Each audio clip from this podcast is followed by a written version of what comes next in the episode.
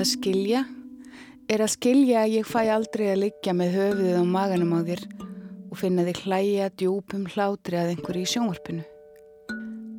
Að skilja er að skilja að þú færir mér aldrei kaffi í rúmið með aðeins og mikilli mjölk sem er samt allt í lægi. Að skilja er að skilja að við þurfum aldrei að rýfast yfir því hver er asnarlegastur í silfrinu eða hvaða diska að spila í bílnum eða hvort þú elskar mig og mikið eða ég þig ekki nóg. Að skilja er að skilja að það kemur aldrei aftur. Þetta augnablík þegar við áttum okkur stað. Ég skal kaupa til kökusnúð með kardemommum og sigur húð Ef þú giftist, ef þú bara giftist, ef þú giftist mér Já, ef þú giftist, þá gætir þú líka þurft að skilja. Ég heiti Brynhildur Björnsdóttir og þú ert að hlusta á Ef þú giftist þáttaröðum hjónabandið. Í þessum þætti verður fjallað um skilna. Ef þú bara giftist, ef þú giftist mér Ég skal elska þig æg svo heitt að aldrei við Skilnaður er eitt að sásauka fylsta og mest streytuvaldandi sem fólk gengur í gegnum, hvort sem það er í hjónabandi, sambúð eða hvergi tengt á papýrum. Skilnaður getur umbylt félagsleiri stöðu og valdi tilfinningarlegum sárum sem seint gróa. En þar sem hjónabandið er bæði lögformlegur samningur, samfélagslegur fasti og tilfinningarleg skuldbinding, verður að huga að hverjum þessara þáttar fyrir sig þegar að skilnaði kemur. Lögfræðilegi þátturinn er það sem aðskilur hjónaskilnað frá annarskonaskilnaði og sambandslitum og gerir hann miklu langdregnara og erfiðara ferli. Við byrjum því á honum. Við erum nýkomin að fundi hjá fóketannum og hann veitt okkur skilnað svo að lindi þrefinu. Og öllum eigum okkar verða skipt og stíjaði sundur eins og stendur í skilnaðarbrifinu. Þú mátt taka gluggatjöld og lampa, blóm og ljós og leirtögið sem óuppþauðið er. Og þú mátt taka sjónvarpið og vín og veiðidót og sláttuvílna sem byrjaði hjá þér. Þú mátt taka ískápinn og túsund krónurnar En þú mátt eiga dollaran og pundin Þú tekur bílinn Og þú tekur bátinn ég tek hundin Nei, ég tek hundin Nei, nei, ég ætla að taka hundin Ástæður skilnaðar geta verið margskonar. Langvarandi ósætti um grundvallar atriði eins og skipningu heimilistarfa, framhjáhald, en eins og kom fram í fyrsta þætti eru þessir tveir þættir með mikilvægari gildum hjónabandsins að mati Íslandinga. Ein af höfuð ástöðum þess að fólk ætti að giftast er til þess að staða þess verði betri þegar kemur á því skilnaði og andláti, samkvæmt lögjafanum. Hrefna Fridriksdóttir, professor í hjúskaparétti, sagði þetta í fyrsta þættinum og við skulum aðtók hvað hún segir okkur um skilna. Heyrðu nú kallinn, þú getur ekki tekið hundin frá mér. Það er ég sem gef honum að ég tá hverjum degi. Held honum reynum og þrýn eftir hann. Nei, þetta er ekki hægt, góða mín Þú byrðist gleyma þig hver fór ég ef fólk ákveður að skilja og ákveður að það vilji ekki lengur vera saman, þá er mun flóknara að slíta hjónabandi heldur en sambúð.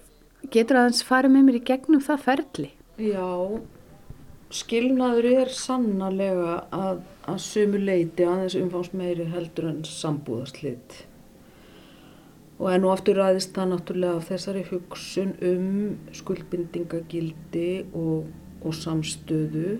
Fólk í raun og veru láti lofa því við stofnum hjúskapar að veri í ævarandi sambandi þrátt fyrir að við gerum ráð fyrir að skilnaðu sé fyrir hendi þannig að við viljum hvetja fólk til þess að sjá fram í tíman áður en það gengur inn í þetta samband eða þessa stofnun getur við sagt í fyrsta lagi að þá er gert ráð fyrir því að hjón sem eiga börn saman leiti sátta þau þurfa að sittast niður með einhverjum sem að spyrðu hvort þau séu alveg viss um þau vilji skilja Mjög oft er þetta einfalt en þetta þýðir samt að það þarf að panta tíma einhver staðar og oft segja þau bara bæði að þau séu búin að hugsa þetta og leita sér aðstóður og séu alveg vissum að þau ætla að skilja það bara gefa út vottorðum það. Og eftir því sem ég best veit að þá, þá er ákveðin hópur hjóna sem að gerir þetta klift og skorið, segir strax nei, við, við erum alveg ákveðin og færi þetta vottorð. En það er ákveðin hópur sem nýtir sér þetta sem ráðgjöf. Það er aðeins búið að forma þessa hugmyndum að skilja, það er komin einhver, verðist vera óvistíðanlegur ágreiningur en oft nýtist fólki þessi ráðgjöf og það er raunverulega staldra við og raunverulega hugsa sem og raunverulega hætti við. Þannig að það er ekki alltaf bara þetta að hugsa um þetta sem hindrun, við erum líka að hugsa um þetta sem ákveði ferli, vegna þetta er gríðarlega stórt og áhrifaríkt skref. Næsta skrefi sem hjónin þurfa að gera er að óska formlega eftirskilna, þau þurfa að fá leifi til þess að skilja og nánast allir snúa sér til síslumassins í þeim öfnum. Og það er nú príðilegt vegna þess að það er svona tiltölulega auðvelt. Það eru ennbætti um allt land og þú þarfst enga sérstakka aðstóð til þess. Þú fyllir út ákveðið eðublað og svona teimtur í gegnum það þannig að það útaf fyrir sig er ekki flókið.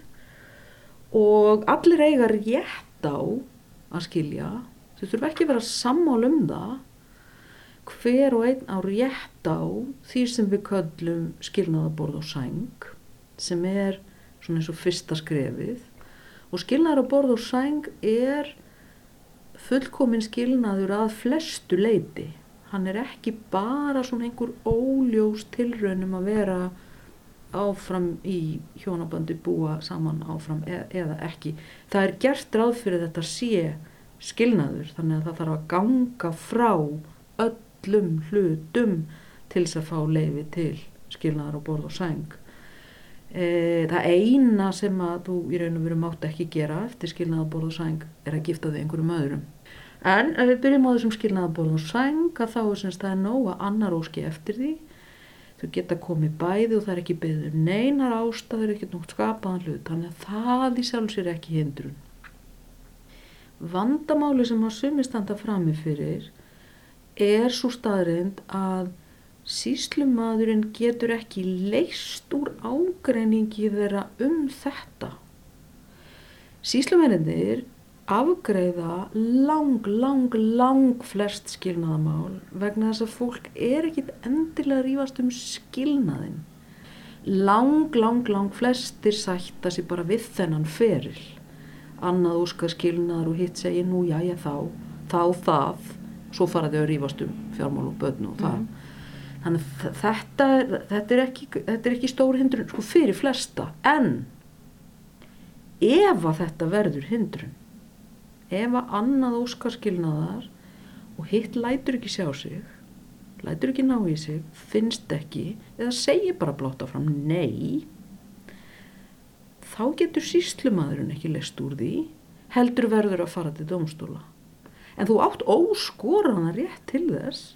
Þú getur farið til domstóls og krafist skilnar á borð og sæng og þú færðan því með einhverju móti finnur einhverja leið til þess að koma upplýsingum um þennan málarækstur til skila, það eru til ímsar aðferði við það. Og á endanum færð þú þinn skilnað. En mörgum vext þetta skref náttúrulega gríðal í augum. Það er mikill munur á því að fyll út eitthvað eðublað og senda síslumanni eða höfða mál fyrir dómstólum þetta er sem betur fer lítill hópur sem lendir í þessari hindrun en þetta er svo sem alveg eitthvað sem að mætti skoða betur ég margir upplifa þetta sem alveg gríðarlega hindrun einhvern veginn að stoppa þarna En ef maður fer svo tilbaka, við skulum ímynda okkur að þetta sé ekki vandamáli. Þau eru bæði komin hérna, Anna vil skilna bæð og einhvern veginn, já já þá, já já það verður þessi skilnaður. Þá útskýri síslumadurinn fyrir þeim að áður en hann gefur þeim leifið að þá verður að koma ymsu málum á hreint. Og hann spyrðu ætli þið að greiða hvort öðru einhverja peninga við kvöldum það lífveri á meðan á þessu þetta varir? Og þau þurfa að taka afstuðu til þess. Hann spyrðu eru þið búin að semja um fjármálun ykkar? Stundum eru þau búin að því stundum ekki stundum tekur það mörg mörg ár með allskins málaferlum og vesinni Því sama getur þá átt reyndar líka við um sambúða fólk. Og svo spyr hann um börnin. Og hann útskýri fyrir þeim að hann, hann getur ekki gefið þeim leifi til að skilja fyrir en að þetta er annarkort leist eða komið í mjög skýran farveg. Þannig að fólk reynir þá að verða við því og endanum annarkort gerir samninga eða kemur þessu í skýran lagalegan farveg. Og eftir að það er búið að framvísa því þá færi það sitt leifi til skilnaðar á borð og sæng. Og þá er eins og ég segi svolítið hinn eiginlegi skilnaður orðin og síðan eftir ákveðin tíma er hægt að óskarlega skilnaðar og það er yfirleitt mjög einfalt eftir að búið þeirra yfirstíga, eftir að búið þeirra að klára hitt, þá bara líður þessi tími og færið þú þennan lögskilna. Það sem að mm. sumir áttar sér ekki alltaf á er að það gerist ekki sjálfkrafa. Mjög margir vita að já það þarf að líða hérna ákveðin tími, svo kemur það sem heitir lögskilnaður, en það þarf að sækja um mann. Mm. Sumir fattaði ekki eins og fyrir þeirra ætla að gifta sig aftur, en þá er það tiltölulega einfalt að ganga frá. Megin reglan er þessi að, að fá fyrst skilnaðan borð og sæng og svo lögskilnað en það er líka möguleiki að fá lögskilnað strax. Þá þarftu hins vegar að byggja það á einhverjum ástæðum og, og það er þá talið vera svona, það, það, það al, alvarlega brostnar fossendur fyrir hjónabandinu og það sem að helst reynir á þar er annars vegar framhjáld og hins vegar ofbeldi. Ég ætlað hafa hann hjá mér. Ég fer hundlaus ekki frá þér. Þá verður að vera hjá mér. Það eina lausnin er. Það finnst mér Eins og fram kemur í þessu ram íslenska skilnaðarlægi með hljómsveit Ingimars Eidal eru eignaskiptin oft torveld þegar kemur að skilnaði, en það er langt frá því að vera það eina. Margir leita til presta þegar þeir þurfa ráðgjöf um hvernig slíta beri hjónabandi sínu. Guðrún Karls Helgudóttir, prestur í Grafavúskirkju, hefur meðal annars veitt hjónum sem hún hefur sjálf gift skilnaðaráðgjöf. Hver er þinn hlutur í því ferli þegar fólk sem hefur hloti hjónavíkslu um, kýs að skilja? Um, ef að hjón eru með börn undir átjónaraldri þá þarf uh, það sem er kallað uh, sáttarvottorð frá presti eða fjölskyldur ágjáða. Og þá er gerðnan mitt hlutverk að fólk, vil, fólk kemur og vil fá byggðum að skrifa þetta vottorð fyrir sig því þessi fóttari þarf að skila til síslimanns. Það er svona oft fyrsta skrifi. Þegar fólk kemur og byrður um þetta vottor þá er það næstu því alltaf búið að ákveða sig, er bara að fara að skilja, er jafnvel búið að bóka tíma hjá síslimanni og ekki ólíklegt að fólk sé jafnvel búið að fara í ráðgjöf og gangi gegnum ýmislegt áður en það kemur. En svo gerist náttúrulega líka að fólk kemur fyrr og vil fá hjálp með hjónabandið og uh, ég myndi segja að það sé svolítið sérstaða hérna að prestar eru mjög mikið í hjónabandsráðgjöf.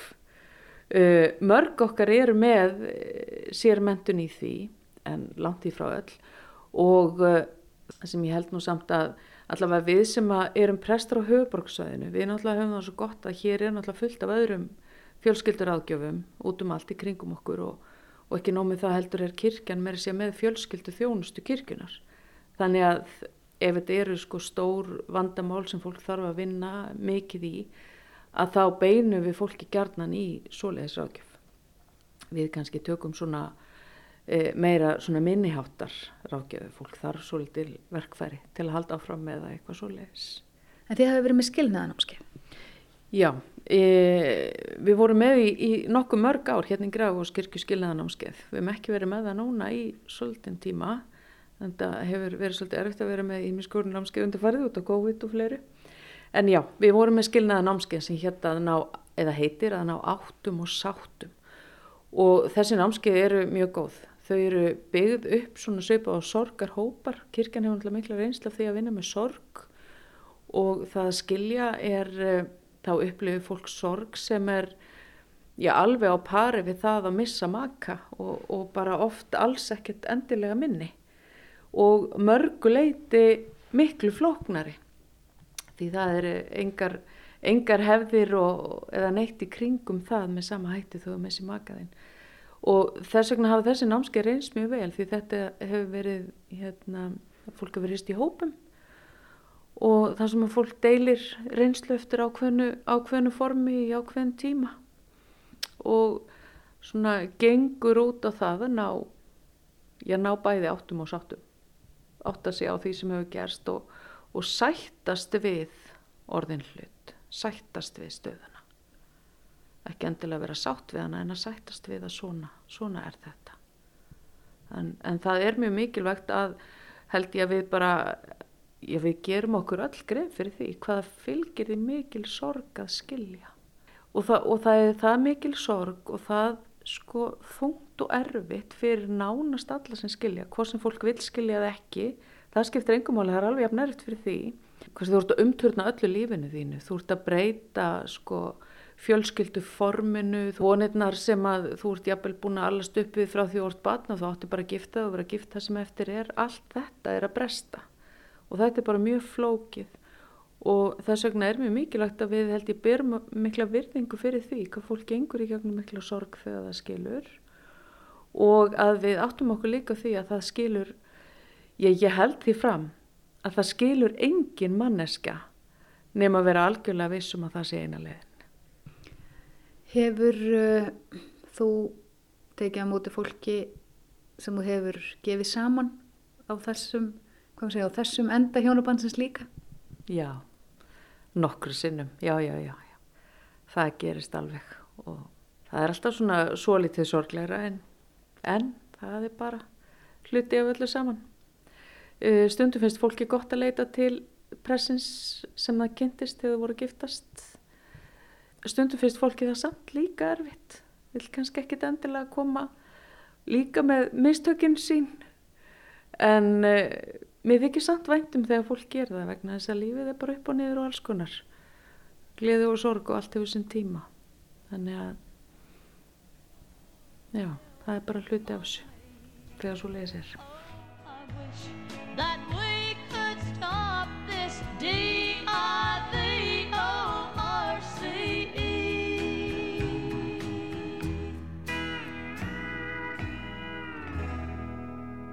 Hjónaskilnaði fylgir mikil sorg. Fólki finnst að hafa byggð skifbrot, gert mistök og það missir maka sinn. Hann deyr vissulega ekki, en hann yfirgefur hlutverk sitt í lífi viðkomandi.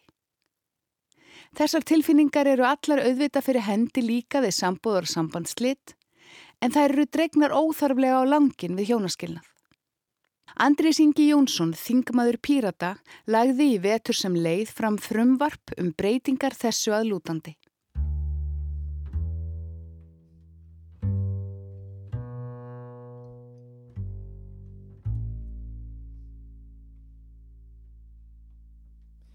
No more carefree laughter. Silence ever after. Andri Singi, uh, þingmaður Pírata, segðu mér aðeins frá frumvarpinu sem þú lagði fram um, hvað er maður að kalla, skemmri skilnað. Ég kallaði það stundum snöggskilnaði, svona til gamans.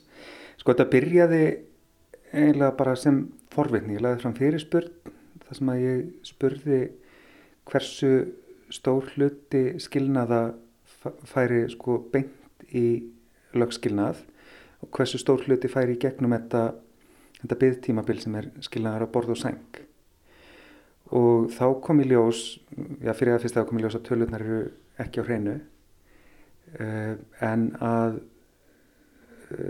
beinn lögskilnaða væri rúmlega helmingur þeirra hjóna sem slíta samvistum.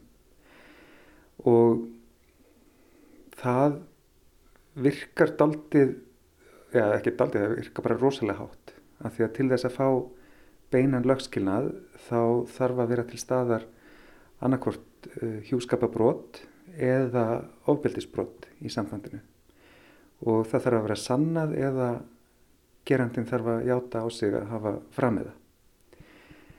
Og ég bara efast um að það sé raunin. Ég held að sé miklu frekar það sem að maður hefur heyrt að annar aðilinn í hjónabandi taki á sig að játa á sig hjúskapabrótt eða, eða þú veist hvað það er til að, að hérna, geta bara klárað þetta hraðar til að komast út úr hjónabandinu sem að báðir aðilar eru sammálum að gangi ekki lengur.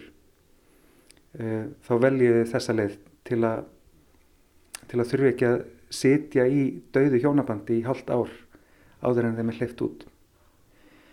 Uh, og þá fættist þessi hugmynd um bara mjög lítið og einfalt frumvarp sem snýst bara um það að ef að það er ekkert sem flækir málið ef þú ert með hjón sem eru, að, eru sammálu um að skilja og eru búin að ganga frá öllu varðandi uh, forsjábatna og uh, skiptingu egna að þá geti þau bara skilið sama dag að þau sækja um það. Eða þannig sé það, þau eru bara að ganga frá papirum uh, alveg eins og fólk getur gengið í hjónaband án þess að þurfa ekki neina býða í byðstofu í halvt ár þá eigi það geta farið út úr því bara með þetta saman. En uh, nú er oft talað um að hjónabandið sé meiri skuldbinding eða, já, ég vil út frá löggjafans hérna, sjónarmiði eigi að vera meiri skuldbinding heldur en til dæmis sambúð. Ef að hjónabandi veitir meiri réttindi, af hverju ætti þá ekki að vera erfið að losa svo úr því? Sko fyrir að fyrsta þá er fólkið bara búið að hakka kerfið þannig að þetta er ekkert meiri skuldbending. Að uh, þessi rúmi helmingur fólk sem að fer beint í lögskilnað ef við gefum okkur einhver stór hluti þess hóps uh, hafi ekki framið hjúskapabrót eða beitt ofbeldi heldur sé bara að nota þá undan þá til að komast beint í lögskilnað. Þess, þá, þá er þetta ekkert meiri skuldbending. Fólk er bara búið að læra að býta á jakslinn, játa eitthvað á sig og losna þannig beint úr þessu sambandi. Og síðan, nei, ég veit ekki hvað, af, af hverju á að þurfa að vera erfiðara að komast út úr þessu sambandi. Þú veist, hjónabandi er bara löggerningu sem að tryggja fólki ákveðin sameiginlega réttindi og þá ekki að þurfa eitthvað svakalega tíma til að, að sko, slíta þeim löggerningi. Ég er kannski ekki hérna, alltaf típan til að segja það en minnst óþálega mikil fórsárhyggja í þessu hjá ríkinu. Veist, að fullari fólk þurfu einhvern veginn að, að hérna, fá smá svona time out til að hugsa sinn gang á þeirra en það fær að uh, skilja eins og við treystum ekki til að vita hvort það vilji vera gift eða ekki. Jú, þetta er heilmikil skuldbinding sérstaklega þegar fólk er uh, komið með börn í spili og svo leiðis en þetta er líka þegar uppistæði bara mjög einföld spurning um það hvort fólk vilji vera með einhverjum einstaklingi eða ekki og það á ekkert að vera flókið að taka langan tíma. Í sambandi við þennan löggerning þá er það ástin yfirleitt sem sker úr um hvort fólk vil vera saman eða ekki. Já, og, en, en það er náttúrulega það sem lögin kom ekkert inn á. Það er engin ást í lögunum. Þau snúast bara um fjárhagslega hagsmunni og réttindi batna hjóna. En það er kannski, þú veist, það er líka kannski kjartum álsins að veist, ástin, ástin er einmitt þessi kviki hlutur sem að, að hérna, þú veist, þú þarft ekki sex mánu umhugsunartíma til að vita hvort þú ert ástfangin lengur eða ekki. Og líka þegar fólk sækir um skilnað og þegar það komið á þann tímapunkt að sækja um skilnað þá er ástin vantarlega föðruð upp fyrir löngu.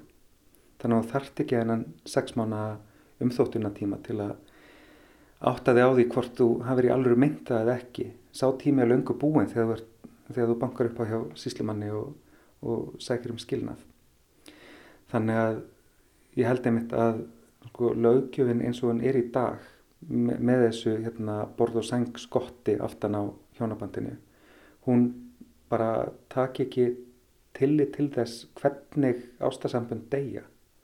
Þegar, að, þegar fólk kemst á þann stað í sambandinu að, að það segir upphátt að það vil ekki vera sama lengur þá er það löngu, löngu búið að sko, hugsa þetta í marga hringi. Það er löngu búið að ákveða sig. Uh, og það sem að kom í ljós í þessari fyrirsput sem að, að hérna, setti þetta alltaf stað hjá mig var að það veit eiginlega enginn sko, hversu margir skiptum skoðun í þessum borð og sengtíma. Hversu, mörg, hversu mörgum skilnuðum er hérna, afstýrt með því að fólk fær hennan kælingatíma í sex mánuði. En svona með það sem ég hef spjallað við fólk sem að þekki til síslumarsembættarna þá er þetta einhver handfylli á ári. En ef við hins vegar myndum sleppa öllu þessu fólki við að setja borð og sæng tímabilið af sér þá myndi það vendilega skila tölvöld fleiri fyrirvændi hjónum sáttari við hvort annað eftir skilnað.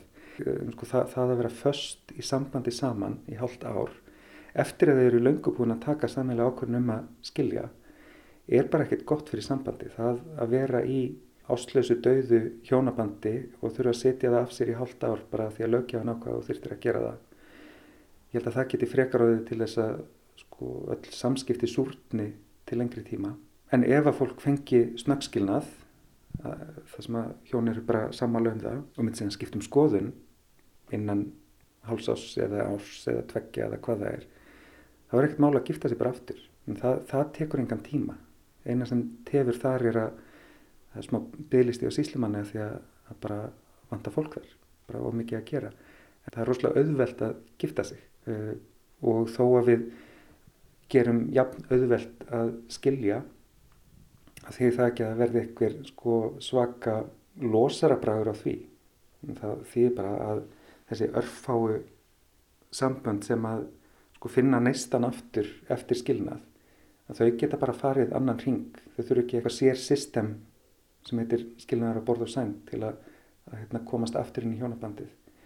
Heldur hefði ég að vel sko bara gott af því að þurfa að endur nýja heitin upp á nýtt af því að það að ákveða að fara í skilnað er alltaf stór ákveðin.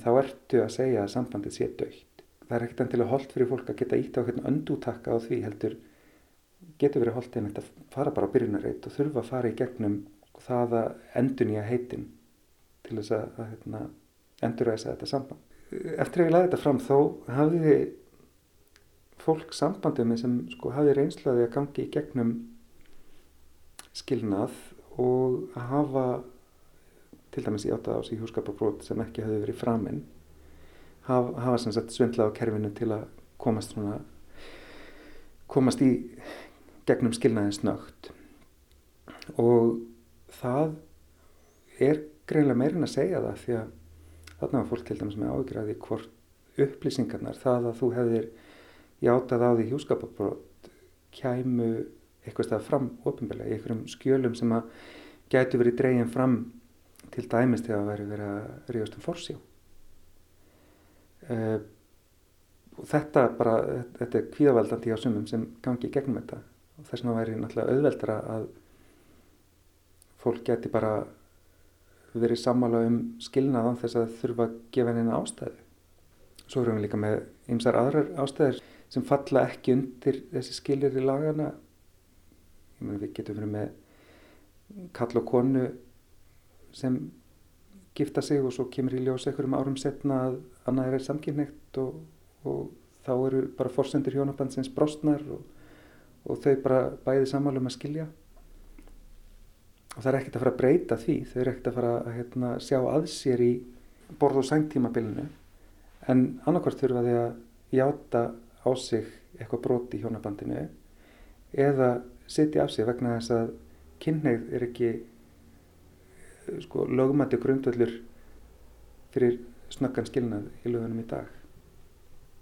Og ætti kannski ekki að vera því að það er einfaldara að, að hafa bara engin skilir ég segja bara, þetta er fullari fólk sem við treystum til að gifta sig á án fyrirvara og við ættum að treysta þeim til að skilja án fyrirvara ef það er ekki einhver ef það er engin hagsmunni sem, sem það myndi spilla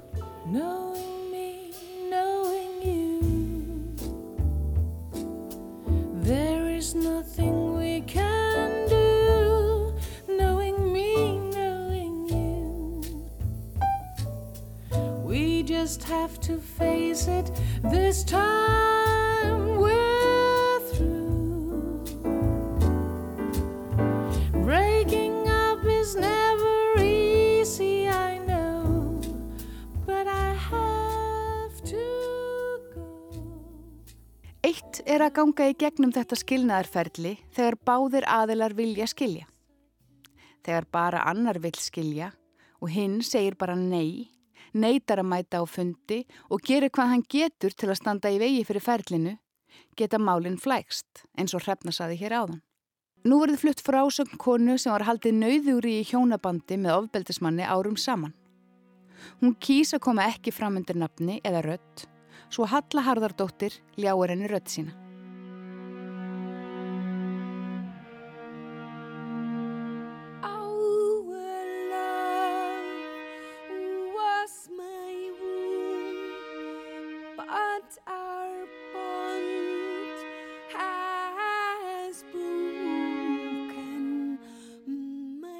Við gengum í hjónaband eftir tveggjára samband og ég var þá barnsafandi.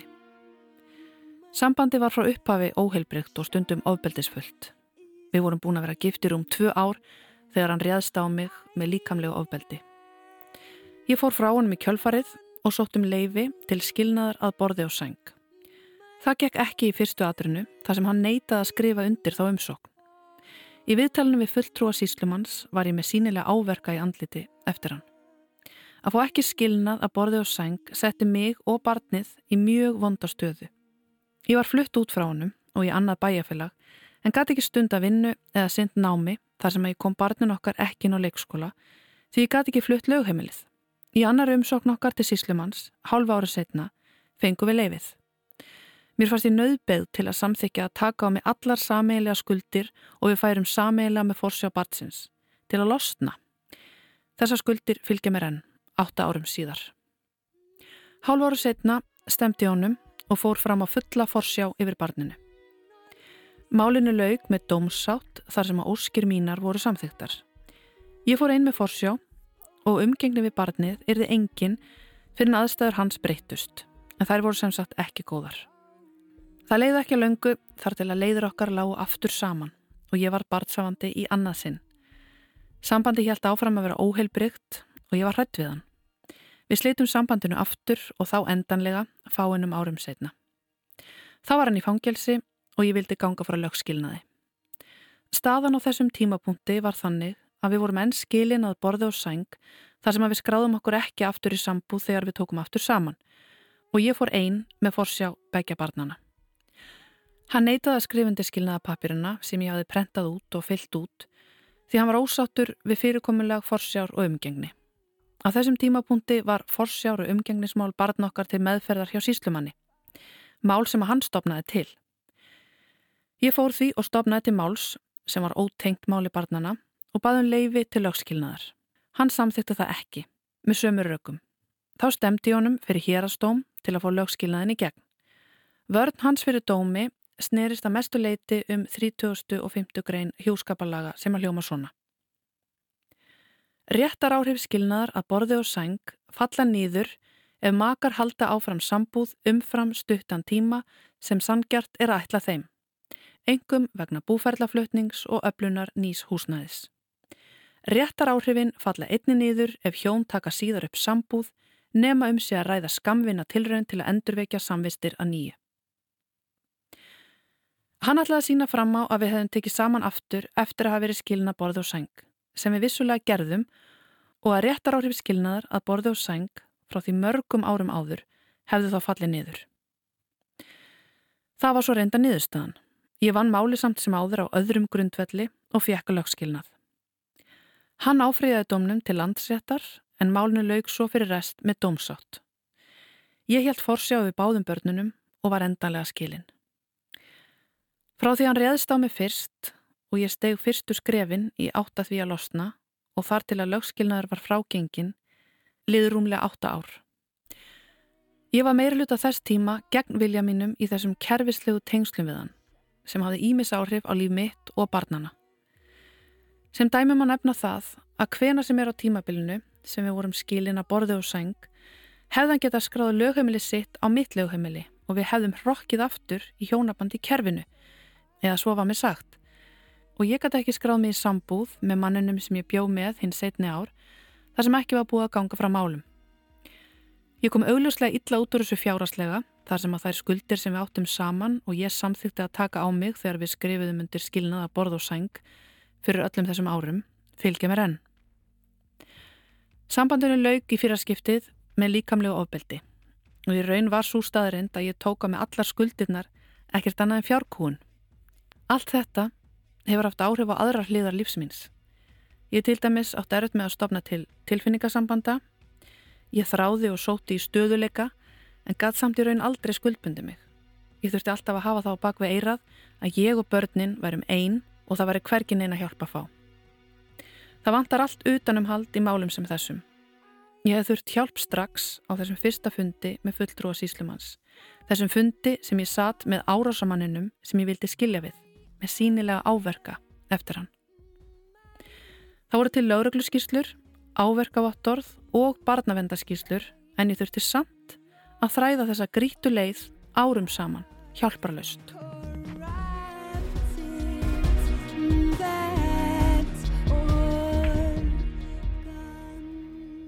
Fyrir alþingi liggur nú frumvarp til breytingar á hjúskaparlögum, nánar tiltekið 3050 greininni sem getið var um í frásögninni sem við heyrðum. Þar er meðal annars lagt til að lögskilnaður á grundvelli heimilisofbeldis verði gerður að raunhæfu úrræði fyrir þólendur slíkar brota og að auðveldara verði fyrir annan aðel en að skilja, jafnvel þó hinn vilji það ekki. Einu sinni voru hjón sem fögnuðu silfurbrúðkaupi sínu ynd eftir því hverju þau þökkuðu þessa farsældi hjónabandi. Þau glottu og svarið var Við vildum aldrei skilja á sama tíma. Það var alltaf einhver tilbúin til að berjast fyrir hjónabandinu. Kristín Tómasdóttir, fjölskyldu og meðferðarfræðingur, hittir fólkið sem er tilbúið til að berjast eða allavega ræða bestu leiðirnar til að skilja fallega. Það er í rauninni þrennskona þjónusta sem hægt er að fá. Það er í fyrsta lagi að, að fá aðstofi að bæta parsambandi sitt. Svo er mjög margi sem koma hérna vegna sem veit ekki hvort að þeir geta laga parsambandi eða hvort þeir þurfa að skilja. Og svo er þetta að fá aðstofi að skilja. Og mjög margir þurfa að ganga gegnum öll þessi stig og í mismunandi röð. Sko. Sumir þurfa að fara í parameðferð til þess að átta sig á því að, að hún er ekki skilað nægilegum árangri og fólk vil skilja. Sumir þurfa að skilja til þess að átta sig því, nei, heyrðum, ég langa að vera í þessu sambandi og sumir þurfa að vera bara heil lengi á þessum stað, við ekkert í hvort fótinu er að stíga. Þannig að þetta er ekkert svona klift og skorið. Þú veist að segja að þannig að samfélagi gengir henni út frá því að við séum í pörum. Getur aðeins svona, hvað er maður að segja, leitt okkur í gegnum þá pælingu? Já, sko, það hendar allavega samfélagin okkar mjög vel að við séum í pörum og við gerum ráð fyrir því við gerum ráð fyrir því að, að pör annist börnin sín upp á ákveðnum aldri áður en að það dagvistunarkerfið tekur við. Uh, við gerum ráð fyrir því að við önnumst aldra fóreldra og hugsum um hvort annað og kerfið okkar er sett upp þannig að við veist, þurfum ekki bætur nema við séum ekki í pörum eða við fáum veist, hærri barnabætur ef við erum í pörum Já, bara gerum ráð fyrir því að, að þetta sé svona minnsta stopnun samfélagsins, parsambandið. Upplifir þú í þínu starfi sem fjölskylduraðgjafi ef að þegar koma til þín pör? Upplifir munaði hvort fólk hefur gengið í hjónaband eða er bara í sambúð? Bara í sambúð segi. Ef að pör er ekki skuldbundin og þau hafa ekki verið tilbúin til að skuldbunda sig að þá gengur parsambandi ofta ekki jafn vel eins og þegar að það er ákveðin skuldbinding til staðar. Og það er ekki vegna þess að þegar að fólk gengur inn kirkugólf að þá verður eitthvað til sem að hjálpar parsambandinu. Heldur er það það að vera tilbúið í skuldbindingu. Ég er tilbúin til að deila með þér fjára, ég er tilbúin til að eignast með þér börni, ég er tilbúin til að giftast þér. Það er þetta sem að er svona element sem við sjáum að hefur gott fórspókildi inn í, inn í hjónaband. Það þýðir ekki að þú getur gift þig til þess að redda hjónabandinu. En þetta er eitthvað sem að, að við vitum að fólk þarf að finna uh, hjá sér að vilja vera skuldbundin einhverjum aðla. Það er bara svona hluti af því að vera ástfangin. Er fólk tengdara og nánara í hjónabandi heldur niður sambúð? Stórspurning. Nei, ég veist þú, þetta er bara klálega já. Það er bara klálega þannig. Og, og það er vegna þess að þú þarfst að vera tilbúin í skuldbindinguna til þess að geta gift þig. Og ef þú finnur að þú ert tilbúin í það og vilt skuldbindast einhverjum, einhverjum á svona stóran hátt og þá meina ég sko stóran hátt í að, að þe- þetta er rosalega stór skuldbinding í kerfin okkar. Fólk samskattar og allt í hennu hérna, deilir það eignum og þú veist, þetta er, bara, þetta er bara margir þættir sem að spila þann inn í og margt sem að breytist bara við það að þú sett skráð svona í kerfið og það tengir fólk og það gera það verkum að fólk upplifa sig tengdara. Nú eru skilnaðir algengir á Íslandi, mjög algengir, þrátt fyrir þessa skuldbindingu og þá er ég að meina þessast lögskilnaðir úr hjónabandi. Gerir fólk sér grein fyrir þessari skuldbindingu þegar það leggur inn í hjónabandi? Ekkert endilega. Það fer held ég svolítið eftir því mitt hvernig þessi gifting á sér stað og hver giftir þig og hvaða fræðslu þú ferð í, í tengslu við það. Ég held að þetta sé svolítið góða punktur sko að, hérna, að við getum örgulega gert betur hvað þetta varðar. En það er alls konar tilraunir með það að hvernig við slítum svo hjá þessu hjónabandi sem er áhugavert að skoða því þá kemur einmitt svolítið fram hvort að fólk uh, hafi átt að segja á því hversu stórt þetta er í, í kerfinu og til dæmis í, í Bretlandi þá er hægt að skilja bara gegnum internetið og þú sendir inn umsóknum um skilnað bara gegnum internetið og þú þarfst ekki að hafa hist eða, það þarf ekki að hafa átt sér stað áður. Á meðan að í Danmörku, það sérstaklega í tengslum við ef að, ef fólk á börn, að þá þarf það að ganga í gegnum ákveðin námskeið, ákveðið ferli til þess að geta sótt um skilnað. Nú svo munur á því hvernig samfélag hafa varandi, þú veist, skilnað á borð og sæng og hversu langu tími líður þar til að skilnaða gengur í gegn. Ég get voru lítið svara spurningunni, þú veist, eigum við að skilja eða ekki og ég get ekki sagt fólki hvort það er að skilja eða vera saman. En ég myndi náttúrulega ekki nenn að sinna mínu starfinum, ég sé fullt að fólki bæta samböndin sín og, og finna út úr erfileikum í samböndunum sínum. En sömuleiðis að þá verður það eiginlega að, að segjast að það er ekkert sérstaklega gott fyrir hvorki fólk nýja börn að fóreldrar þeirra séu saman út af þeim. Og það er eitthvað sem að rannsóknir hafa sínt mjög ítrekkað. Að tókstreita í parsambandi fóreldra er ekki góð fyrir börn og það er eins eh, erfitt og það getur verið fyrir barn að upplifa skilnað að þá er erfiðara fyrir barn að búa við tókstreitu í parsambandi fóreldra sinna. Eh, Þannig að þetta eru svona breytur sem fólk þarf að hafa í huga á þessum stað. Ef það upplifir sér ekki ástfangið en það á börn og það á hús þá þarf það svolítið að fara í gegnum þessar pælingar.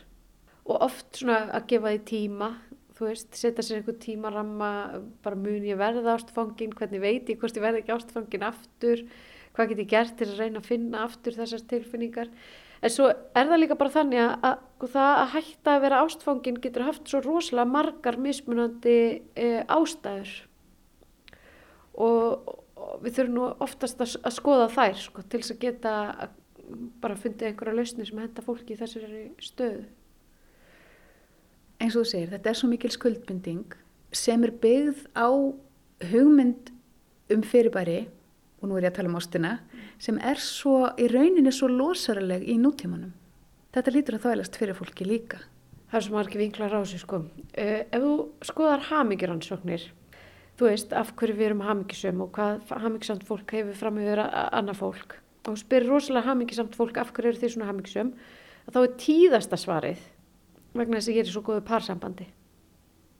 Þannig að þetta hefur sko gríðarlega mikið að segja að við upplifum okkur í góðu parsambandi og við séum eigum einhvern svona partner í lífinu. En ef þú spyrir svo fólk sem er í mjög hamingisumum parsamböndum, hvers vegna eru þið í svona hamingisumum parsambandi, að þá er tíðasta svari vegna að við erum svo góðu vinir. Og það er svona svo breyta sem að, skipti hvað mestu máli upp á það að gera hvort þú sért ástfangin eða, eða ekki, það er þessi vináttu breyta. Og svo munurinn á því að vera í góðu parsambandi og svo bara góðu vináttu sambandi. Og það er að sé einhver ástriða til staðar. Uh, og, hérna, og hún getur komið og farið eins og þú ert að tala um. Og við getum haft áhrif á hana og ég nota stundum þetta ertu skotin í henni, ertu skotin í honum? Og það var nú eitt sem kom innan tíminn um daginn og segja skotin og skotin, hvað er að vera skotin? Og eitthvað svona, ég, ég segi þú veist bara það getur verið mjög mismunandi hvernig við upplifum það hvort við séum skotin í einhverjum. Og við getum hafa verið skotin í einhverjum og svo verið einhvern veginn allt öðru sér skotin í einhverjum öðrum en yfirleitt vitum við hvort við erum skotin í einhverjum eða ekki. Og stundum segir fólk bara ég er stundum skotin í honum eða stundum skotin í henni eða eitthvað svona en fólk veit hvað ég er að tala um. Við þurfum ekkert að krifja það eitthvað mikið meira sko. mér þetta allan að vera uh, mælikvarði sem ég nota stundum og fólk skilur og ég fæ svör við. Og það er að þínum mati þá grundvöllur að góðu parsambandi ef fólk er skotið hvort öru. það er svona uh, allavega ákveðin fórsenda sem að, að fólk vill finna í parsambandinu sínu. Þetta er samningur og það er mjög mikilvægt að gera reglulega samninga í, í hjólbandi eins ógíslega óspennandi og, og, og það er nú hljómar sko. Þá snýst þetta allt um samninga og við erum öll með okkar svona samning í huganum um hvað, um, um, um hvað sambandi okkar snýst sko. Og, og það er mjög forveitinlegt að heyra einmitt hvað fólk er oft með mismunandi hugmyndur um sambandi sem það er bæði, báðir aðilar að sko. Og þá komum við að svona algengasta vanda fólks í parsamböndum sem að er nú yfirleitt miskilningur.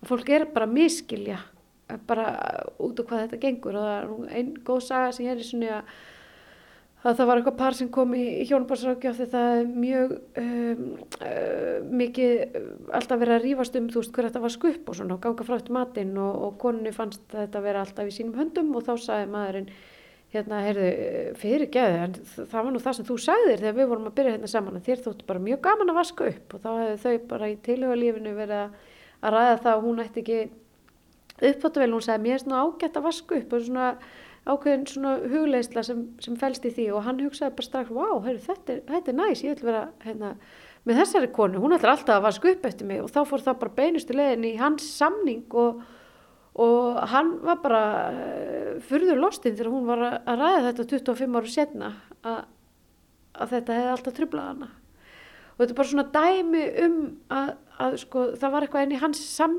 samkomulagi sem bara glemdist að kvitt upp á glemdist að setja setjast niður og ræða sko. Og, og að því leitinu getur verið bara mjög holdt fyrir fólk að skoða hvað hva fælst í okkar sambandi núna. Og við komum líka hérna að þætti sem er mjög mikilvægur í parsambandum sem heitir þekking og forvitni. Og ef þú spyr fólk þekkir makaðin vel? að þá er nú yfirleitt svarað já, ég þekki maka minn mjög vel. En það er rámt svar því þú átt ekki að gera ráð fyrir því að þekkja makaðin svona vel, þú átt alltaf að vera á tánum og vera forvitin og vera fylgjast með því. Þú veist, uppbólsmaturinn er ekki svo sama og hann var fyrir 16 árum síðan þegar þið voruð að kynnast. Og vegna þess að ef þú gerir ráð fyrir að þú þið þekkist og þú, þú hérna, gerir ráð fyrir að geta bara lesið hugsanir þá kem, komum við alltaf að þessum miskilningi Þannig að því leitinu til að þá held ég sé rúslega holdt að setja strækjulega niður og skoða á hvað blaðsju parið er og, og hvert það er að stefna og, og svona. Or you hop on the bus, Gus. You don't need to discuss much. Just drop off the key, leave, and get yourself free. Slip out the back, check. Make a new plan, stand. You don't need to be coy, bro. You just listen to me. Hop on the bus, Gus. You don't need to discuss much. Just drop off the key, leave, and get yourself free. Samkvæmt Kristínu sína kannanir að flestir sem segjast vera hamingjusamir þakka það góðu parasambandi. En það dýfkar líka alla óhamingju að sama skapi að vera í óhamingjusumi parasambandi. Fæstum veitist létt að skilja við makasinn, hvorki fjárhagslega, samfélagslega eða tilfinningalega. Og þó það þurfi ekki að vera flókið að ganga í hjónaband, er það skuldbinding sem fólk gengur inn í á fullri meðvitund, flestir að minnstakosti. Samt er það svo að þriðja hverju hjónabandi sem stopnaðir til líkur með skilnaði. Er möguleiki að hjónabandi sé kannski ekki takt við tíman eða samfélagið? Hægt að breyta því og aðalega samtímanum? Eða er það bara úreld og eigum við að sleppa því og finna upp á einhverju nýju? Skoðum það í næsta þætti.